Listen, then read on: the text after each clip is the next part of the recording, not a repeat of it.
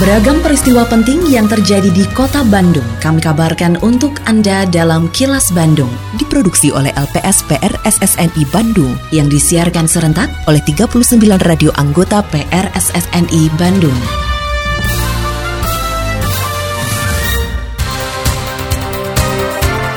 Sejumlah informasi aktual kami hadirkan untuk Anda dan inilah informasi utamanya. Kang Pisman bisa mencegah stunting pasien cacar monyet di RSHS kondisinya membaik.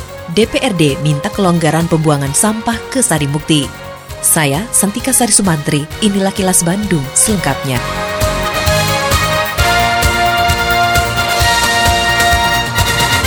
Program Kurangi Pisahkan dan Manfaatkan atau Kang Pisman dalam penanganan sampah bisa membantu upaya mencegah stunting. Sekretaris Daerah Kota Bandung Emma Sumarna mengatakan hasil pengolahan sampah rumah tangga yang dimanfaatkan untuk tanaman dan peternakan bisa memperbaiki gizi masyarakat secara mudah dan murah. Oleh karena itu, Emma mendorong pengelola Kang Pisman di wilayah terus mengembangkan aktivitasnya termasuk posyandu agar bisa memberdayakan SDM dan memanfaatkan lahan yang ada. Di sini ada 11 kelompok posyandu satu kelurahan ini. Ternyata baru dua kelompok posyandu yang bebas menyatakan stunting. bebas stunting. Berarti yang sembilan mungkin saja salah satu faktor stunting itu dari pola asupan. Nah, kalau di sini sayurannya udah bagus, tinggal di mix nanti dengan peternakan. Ya bisa beternak ayam, bisa berternak entok. Kalau ayam bertelur, bebek juga bisa bertelur. Kalau bebek sekarang kan diolah bisa jadi balado. Balado entok kan terkenal tuh di mana? Di Gede Bage. Itu kadar protein gizinya luar biasa. Nah, kalau asupan sayuran, nabati, hewani itu sudah masuk terpenuhi, maka saya punya keyakinan secara teori masyarakat itu bisa bebas dari potensi stunting tadi. Satu pasien positif cacar monyet atau monkeypox yang menjalani perawatan di Rumah Sakit Hasan Sadikin atau RSHS Bandung saat ini kondisinya semakin membaik, sedangkan satu pasien suspek dinyatakan negatif cacar monyet. Direktur Medik dan Keperawatan RSAS Iwan Abdul Rahman mengatakan ada dua pasien yang terindikasi cacar monyet yang dirujuk ke RSAS. Menurut Iwan, pasien yang positif cacar monyet saat ini kondisinya berangsur membaik, bahkan memungkinkan untuk pulang jika memenuhi kriteria. Pasien yang terdiagnosis positif ya, hingga hari ini kondisinya berangsur-angsur membaik sehingga memungkinkan untuk dilakukan pemulangan, jadi rencananya hari ini akan pulang. Pasien bisa dipulangkan bila sudah memenuhi kriteria sembuh, Pertama, bebas demam dalam waktu 72 jam terakhir, lalu kemudian perbaikan untuk gejala respirasinya, tidak ada lesi baru dalam 48 jam, seluruh lesi kulit itu mencapai fase krusta, mengelupas dan tumbuh, dan juga kita bisa lihat adanya lapisan kulit yang baru. Untuk pasien tersebut tidak perlu dilakukan pemeriksaan follow up untuk PCR, jadi penilaian berdasarkan hasil klinis tersebut menunjukkan hasil yang baik. Suara Ketua DPRD Kota Bandung dan politisi PKS, Dedi Rusmawan. DPRD Kota Bandung meminta ke penjabat Gubernur Jawa Barat untuk melonggarkan pembuangan sampah ke TPA Sarimukti. Ketua DPRD Kota Bandung Teddy Rusmawan mengatakan kelonggaran pembuangan sampah ke Sarimukti harus segera dilakukan sebelum musim hujan tiba. Pasalnya pengangkutan di musim hujan akan semakin sulit karena selain kondisi jalan di TPA Sarimukti yang licin, juga sampah akan semakin berat karena sudah mengandung air. Menurut Teddy, sampai saat ini masih ada sekitar 35 ribu ton sampah di TPS Kota Bandung yang belum terbuang. Ke Pak PJ Gubernur untuk memberikan kelonggaran ke Bandung Raya, khususnya Kota Bandung. Karena ada beberapa hal yang mendesak dan akan nanti akan menjadi sulit kalau tidak diselesaikan dari sekarang. Gitu. Jadi kita kan sudah masuk musim hujan, walaupun hujannya masih istilahnya belum rutin. Nah itu harus jadi momentum untuk dimanfaatkan untuk pengambilan sampah lebih banyak lagi ke Sarimukti. Nah untuk itu nih mumpung masih belum hujannya belum kerap gitu ya. Kemudian juga kalau sudah hujan itu nanti apa namanya kadar air di sampah juga meningkat gitu kan. Itu akan lebih berat lagi. Nah, makanya ini mumpung kita masih ada waktu belum hujannya kerap atau lebat gitu. Lebih baik diberikan kelonggaran karena kan kita hari ini hanya diberikan kesempatannya di kurang lebih 600 ton per hari. Anggota Komisi B DPRD Kota Bandung, Christian Julianto Budiman mengatakan, kenaikan harga sejumlah komoditas seperti cabai biasa terjadi karena dipengaruhi berbagai faktor antara lain cuaca. Untuk menyikapi kondisi tersebut, politisi PSI ini mengimbau agar pelaku usaha dapat memanfaatkan olahan, misalnya cabai kering atau bubuk cabai, dalam produksi makanannya. Apalagi kota Bandung dikenal sebagai kota kuliner yang banyak memiliki makanan pedas. Menurutnya, meski budaya masyarakat lebih menyukai produk segar, pelaku usaha bisa mencontoh beberapa negara tetangga yang sudah terbiasa memanfaatkan produk kering sebagai alternatif saat mengalami lonjakan harga.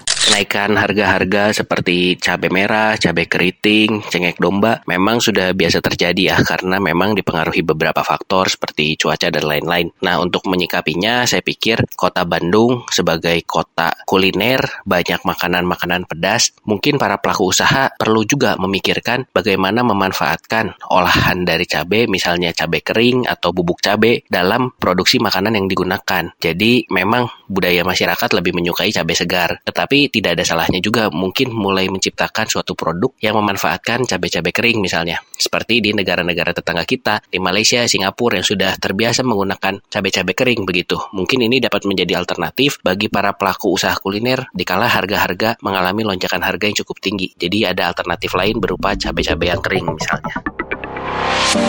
Halo Sobat OJK Jawa Barat, pernahkah kamu menerima pesan undangan pernikahan tapi pas diklik ada perintah untuk install? Atau pesan berisi daftar orderan e-commerce tapi ujung-ujungnya mengisi data pribadi di formulir online?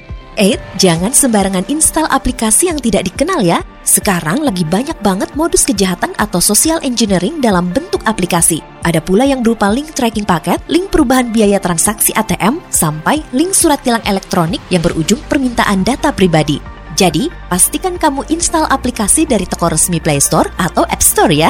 Jika terlanjur install, putus koneksi internet dan segera reset ulang smartphone kamu. Oh iya, jangan sharing data pribadi di media sosial ya. Yuk lebih bijak dengan data kita. Selalu jaga privasi, lindungi data pribadi.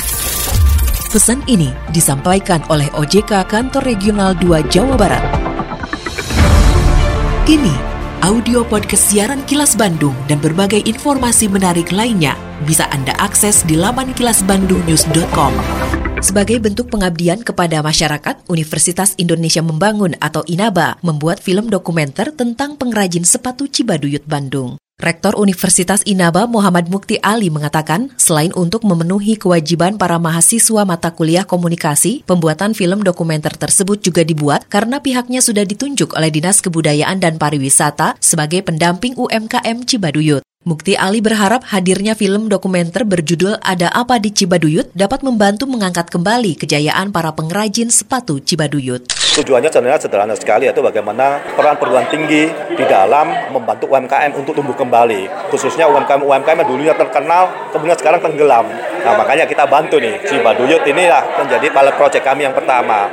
Kenapa kok harus film? Kenapa kok bukan yang lain? Karena begini, anak-anak milenial zilenial itu kalau kita hanya memberikan dalam bentuk dua dimensi mereka mungkin kurang memahami dan seterusnya. Makanya paling mudah berkomunikasi ada dengan audiovisual yaitu bentuknya film. Makanya kita buat film dokumenter pendek seperti ini. Kalangan pengrajin sepatu Cibaduyut mengapresiasi Universitas Indonesia Membangun atau INABA yang telah membuat film dokumenter tentang pengrajin sepatu Cibaduyut Bandung. Pengrajin sepatu Cibaduyut Asep Solihin berharap hadirnya film dokumenter bisa memperkenalkan kembali kepada masyarakat adanya UMKM yang khusus membuat sepatu di kota Bandung sekaligus promosi dan pengelolaan keuangan para perajin. Kalau menurut saya sih ada manfaat positifnya juga. Jadi bisa bisa promosiin produk-produk di Cibaduyut seperti apa gitu terus kayak gimana. Cuman untuk ke depannya mungkin lebih mengenal lagi situasi di Cibaduyut sendiri sekarang seperti apa. Nah mungkin dengan adanya film itu bisa mengangkat para UKM Baduyut gitu. Sampurasun, wargi kota Bandung, dalam rangkaian hari jadi ke-213 Kota Bandung, Disbudpar Kota Bandung menyelenggarakan acara Bandung Great Sale 2023 yang diawali kick-off pada tanggal 27 September 2023. Ikuti juga Lomba Filter Instagram Challenge berhadiah menarik dengan mengunjungi Instagram @tic.bandung. Selain itu, mulai 10 Oktober sampai 18 November 2023 digelar Pesta Diskon Bandung Great Sale 2023 yang diikuti 1000 lebih merchant di Kota Bandung, mulai dari mall, perhotelan, resto, kafe, dan pusat perbelanjaan lainnya. Pembelanjaan minimal Rp100.000 dan berlaku kelipatan akan mendapat kupon undian dengan hadiah satu unit mobil Daihatsu Sigra dan hadiah menarik lainnya. Pengumuman pemenang dilakukan di akhir penutupan acara tanggal 18 November 2023 di Cihamplas Walk yang dimeriahkan hiburan menarik. Penampilan dari Saung Angklung Ujo dengan bintang tamu Geisha. Ayo datang ke kota Bandung, ajak keluarga dan saudara berbelanja di program Bandung Great Sale 2023 untuk membantu meningkatkan perekonomian di bidang pariwisata kota Bandung. Iklan layanan masyarakat ini dipersembahkan oleh Dinas Kebudayaan dan Pariwisata Kota Bandung. Terima kasih Anda telah menyimak kilas Bandung yang diproduksi oleh LPSPR SSNI Bandung.